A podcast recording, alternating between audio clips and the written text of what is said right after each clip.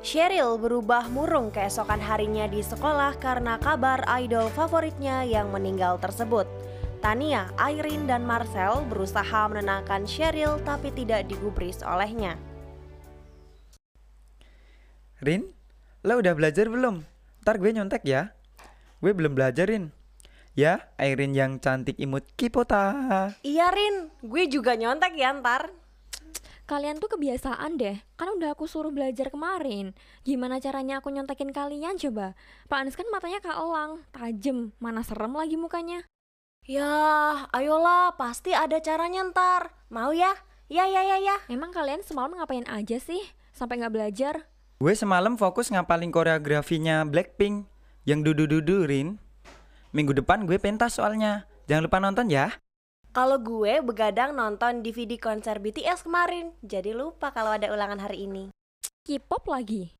Lo bilang apa Rin? Enggak, gue padahal diem aja. Real, lo kenapa?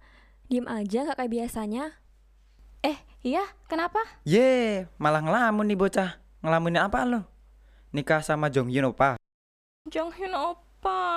Lah lah, lo kenapa jadi sedih gini mukanya? Emang kenapa Ril? Cerita deh sama kita. Jong Hyun Opa, dia dia meninggal bunuh diri tadi malam. What?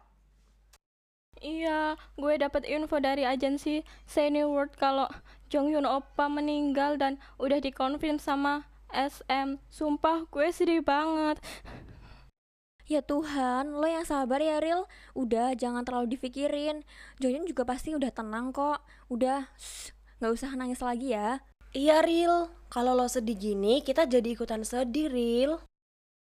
Kata SM, Jong Hyun Opa bakalan dimakamin hari ini. Sumpah, gue pengen banget ke sana lihat Jong Hyun Opa untuk terakhir kalinya.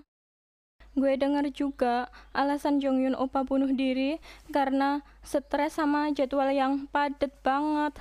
Dan dia juga stres karena live IG terakhirnya gak ada yang nyemangatin dia. Sumpah, gue ngerasa gak guna banget jadi fans selama ini. Shh, udah Riel, ini bukan sebenarnya salah lo kok. Udah lo gak usah ngerasa bersalah begini ya. Sampai akhirnya Tania mendapat notifikasi yang berisi tentang pre-order album baru boyband favoritnya. Tanpa pikir panjang, Tania langsung memesan album tersebut, padahal harganya sangat mahal dan Tania tidak punya cukup uang untuk membelinya. Omo, Lo kenapa Tan? Eh, enggak enggak, uh, bentar ya. Omong, BTS mau comeback lagi. Aduh, harus buru-buru pesen nih. Yah, harus pesen. Oke, tinggal kirim data diri, alamat. Oke, don. Bel masuk pun berbunyi membuat Tania dan Marcel panik karena pelajaran pertama mereka adalah matematika. Dan hari itu ulangan membuat Irene menyalahkan mereka yang tidak belajar, sedangkan Cheryl hanya diam saja karena masih bersedih.